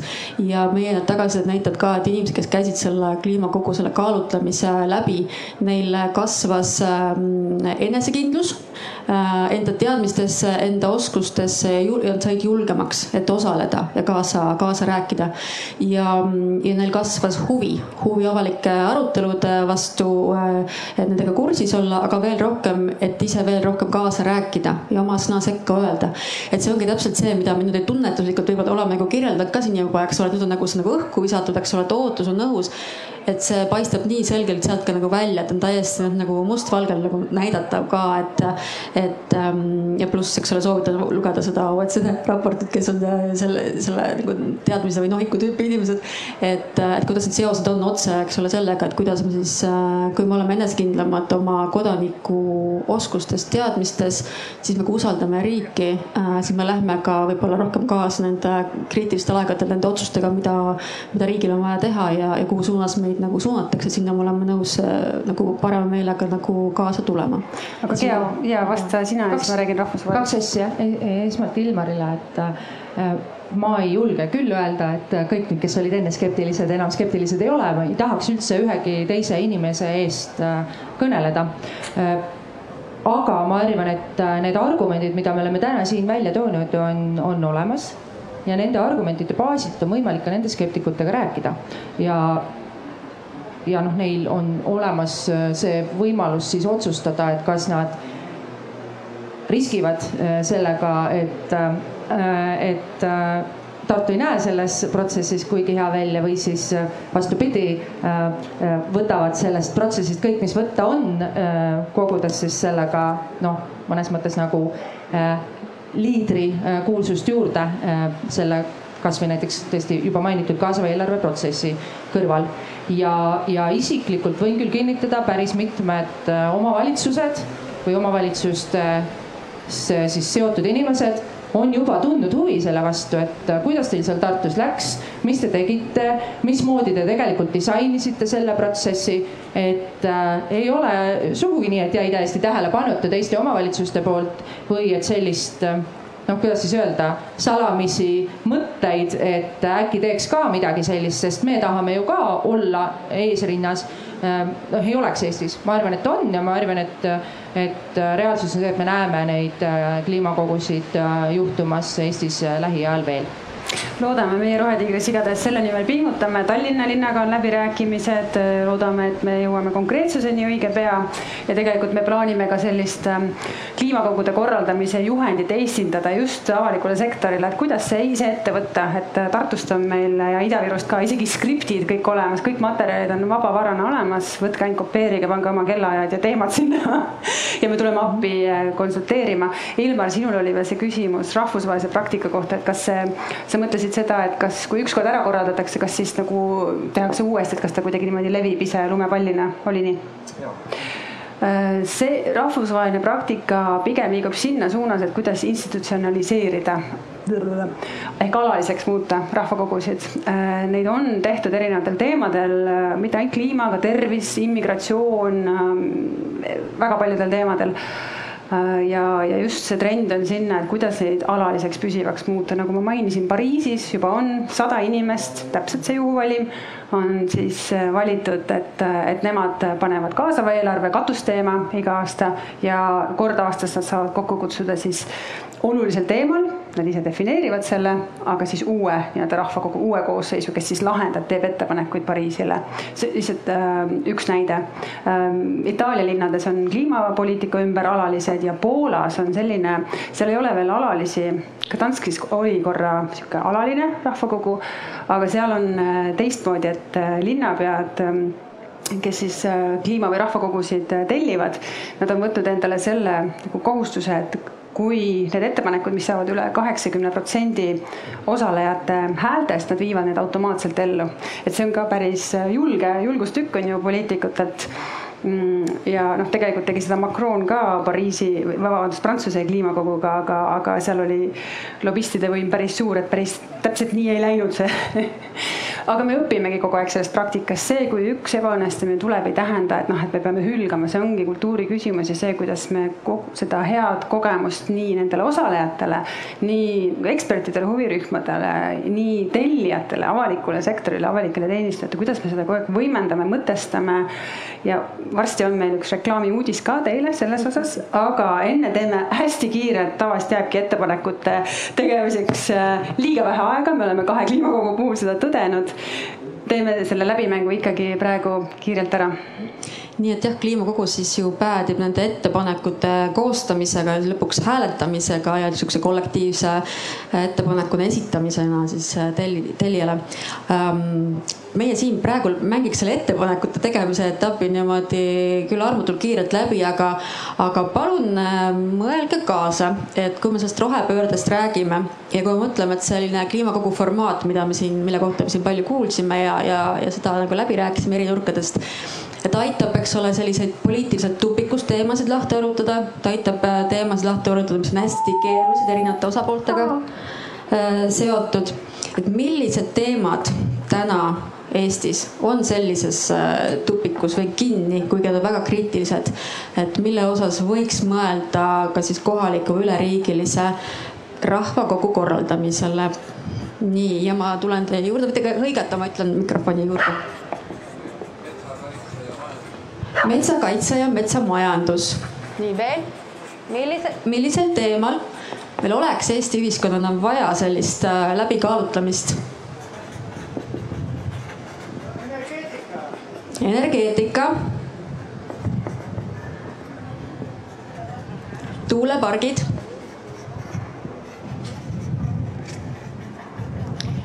Millisel teemal te tahaksite, et teie käest ka küsitakse, et millised otsused tulema hakkavad, et mis on teile selline oluline või, või ka tekitab muret, et mis nüüd sellest saab, kes seda minu eest otsustab? mis on need olulised teemad, kus me peaksime koos läbi arutama? elurikkuse kaitse ja veel?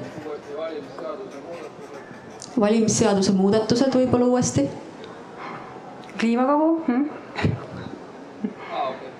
No rohepöördega seoses. peaks ikka vaatama rohepöördega seoses, mitte ainult kliimakogusse, ma alustasin. rahvakogu, me oleme liiga ära tinistatud, vabandust. nii veel? ikka rahvakogust, et, et rohepööret äh, toetada, eks, et ei pea siis olema kliimakogu, et nii veel. mis on need olulised tupikusteemad? nii sealt. Liikuvus. tekstiilijäätmed. kaubanduskeskuste rajamine aa, see, see ei ole vaat tupikus, see jookseb väga hästi meil Eestis praegu. aga et, et neid ei rajataks enam, selles mõttes on ju. nii, Rail Baltica tuli siit, nii. tuumajaam. oodake, oodake oodake, oodake, nii, aga ma siis äh, tulen, palun ka meie, meie siin äh, poodiumil olijatelt küsida või vastata et mis teemad on niivõrd äh, olulised ja natuke nagu tundub tupikus poliitilises mõttes ka, mis saaks lahti harutada käima lükata selle rahvakogu meetodiga? No mulle tundub, et ikkagi jah, see energeetika ja transport on nagu megasuured valdkonnad, kus on hästi suuri muutusi vaja, aga ma kuidagi ei võtaks seda nagu tarbimise vähendamise prisma läbi. et minu arust see tarbimise vähendamine või energia piisavuse küsimused, minu jaoks oleks need huvitavad küsimused, et kohalikul tasandil, mis on piisav või et ja kuidas vähendada nagu sellist raiskavat eluviisi. jah ma mõtlesin hästi palju selle. üks hetk. Pole, pole kosta? Sisse lülitatud või? Nüüd olen sisse lülitatud. Sivarik. Ähm, et ma mõtlesin väga pikalt selle küsimuse nii-öelda ettevalmistava osa peale, sest ma mõtlesin, et ma ei oska sellele küsimusele vastata ausalt öeldes täna rohepöörde kontekstis, sest lõpptulemusena noh, ma, ma justkui peaksin nagu seda riiklikku poolt esindama ja, ja ütlema, et nüüd riiklikul tasemel on seda ja kolmandat ja neljandat vaja teha just ilmtingimata rahvakogu formaadiga aga see otsus on nii suur ja riskantne, nagu me siin rääkisime selliste suurte riiklike protsesside puhul. et ma, ma ei hakkaks välja ütlema mingit sihukest konkreetset teemat, ma arvan, et inimesed ise on välja pakkunud siin juba päris mitu huvitavat teemat. aga mul on tunne, et see peab olema väga, väga otseselt seotud just ka sellega, kus inimene tunneb seda nii-öelda omaosalust kõige rohkem. ja seetõttu need asjad, mida me oleme näinud siin kohalikul tasemel, näiteks läbi selle Tartus mitmed teemad olid seotud näiteks liikuvusega, mis on jällegi inimestele väga ligidane ja, ja näiteks ka Ida-Virumaal sellega, et noh, et kuidas noored tundsid, et noh, mis neil on selles puudu, õiglane üleminek, kogu see sotsiaalpool, mis on jällegi väga inimesele lähedane, et ma arvan, et need on olnud väga head sammud ja, ja peaksid seda protsessi nagu edasi juhendama ka, aga ma arvan, et mu vastus täna on, ma ei tea. aga Ivo, selles mõttes riiklik kliimakogu võib ka mitut teemat Rahva. haarata, tervet rahvakogu, kliimateemaline rahvakogu äh.... rohepöörde teemaline rahvakogu, ma lihtsalt ikkagi igaks juhuks tunnen selle, et ei pea kliima ja, ja mina arvan, et minu jaoks on kõige olulisem sõna mis tahes rahvakogu puhul ikkagi õiglus. et äh, see on see, mis noh, tõesti, mida iganes me arutame, kas, kui me räägime äh, energeetikast, elurikkusest, äh, tarbimisest, teenuste kättesaadavusest, noh sotsiaalsest toimetulekust, millest tahes, siis see, mida inimesed ju omal nahal tunnevad on just õigluse küsimus. on see, et äh, kas me oleme noh, võrdselt selles ühiskonnas kaasa rääkima ja kas äh, me võrdselt vastutame nende ressursside kasutamise eest ja kas meil on noh, põhimõtteliselt äh, selline toimiv moraalne kompass, kus me, kus me nagu noh, nii-öelda mõtleme selle peale, et ma ei tea, keegi ei jää maha näiteks see, see tundub selline lihtne silt, aga noh, me võime selle viia hästi kohalikule tasandile. linn on kõigi oma, ei ole mõne üksiku oma. Ja, ja, ja, ja Tartu kliimakogu näitas selle nagu väga hästi kätte, et me rääkisime seal liikuvusest, keskendusime ütleme ekspertide valikul võib-olla hästi palju sellisele noh, ütleme kliimamuutuste poolele. Ja mille inimesed ise esile toid, oli äh, ikkagi ligipääsetavus, seda, kuidas erivajadustega inimesed ka äh, selles üleminekuprotsessis ellu jääksid. Äh, elurikkus äh, linnas, mis, mis ei tohi nii-öelda jalgu jääda nendele muutustele, et ja, ja no nii edasi, et tegelikult ma arvan, et siin ongi just inimestel endil need kogemused kõige paremad ja neid kogemusi tuleb jagada. ja vot nende kogemuste baasil tulevad kõige paremad ettepanekud, et, et äh, ei saagi nii väga ära piirata seda teemat äh, tegelikult lõplikult. ma pakun ühe piirangu, et Tartu sai Euroopa saja kliimaneutraalse linna missiooni hulka, mis ei tähenda, et Tartu juba on. kas sellega seoses? no loomulikult see kõik aitabki ju, äh, ju kaasa noh, mingis mõttes on, on kui, kui, kui nüüd rahvakogu formaat äh, on, on parasjagu kliimakogu, siis, äh, siis ta jah, siis see peaks nagu aitama selliste suurte eesmärkide saavutamisele kaasa niimoodi, et inimesed tunnevad, et nad on tõepoolest selle asjaga kaasas. et, et ma arvan, et see kliimaneutraalsus aastaks kaks tuhat kolmkümmend või ka aastaks kaks tuhat viiskümmend või kuidas iganes seda seatakse see tundub väga paljudele inimestele väga hirmutav ja nende hirmudega tegelemiseks on kliimakogu kõige parem koht, mis tahes vallas need hirmud siis on mm. -hmm. aitäh, Ilmar. ja et äh, jätkuks, et jah, lihtsalt kahju, et nii vähesed saavad seda kogemust äh, enda nahal nagu tunda, et aga, aga teemade osas ka ma väga ei tahaks tõesti jah piiritleda, et, et enda peast läks seesama metsateema läbi ja, ja praegu kindlasti ma arvan, ka see tuumajaama teema võiks ka olla selline, mis vajab tõesti niisugust valguse vihtu nagu talle peale. aga Tartus on sul mõtet, mis teemal võiks järgmine toimuda? ei ole me Tartu kliimakogu reklaamisime ka Tartu esimene kliimakogu, sellepärast me siin äh, puurime ja küsime et äh, Tartus on tõesti võimalus äh, väga palju asju kaaluda ja ma arvan, et see seekordne kliimakogu andis üsna palju selliseid noh, ütleme sisendeid ja mõtteid ka, et, et, et mis on need olulised teemad, mis inimestele korda lähevad, mida peaks arutama ja kuhu ma ütleks, et tegelikult kohalikul omavalitsusel on ka mõttekas pilk seada selle mõttega, et sa, sa saadki tagasisidet, et kus on probleemid inimeste jaoks.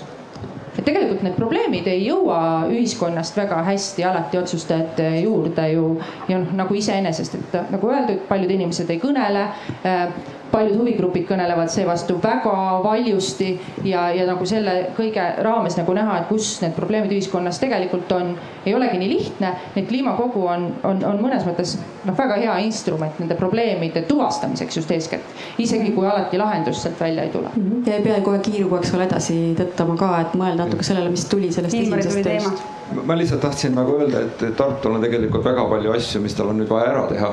enne, enne kui järgmist kliimakogu või, või rahvakogu korraldada võib-olla, et mm, -hmm. et ootaks nagu neid tegusid nüüd hoolega. väga hea sihuke meenutus mm.. aitäh teile, me oleme poolteist tundi siin juba rääkinud, hea uudis teile on siin selja taga. et jällegi Tartus toimub oktoobris kliima ja rahvakogude rahvusvaheline sügiskool.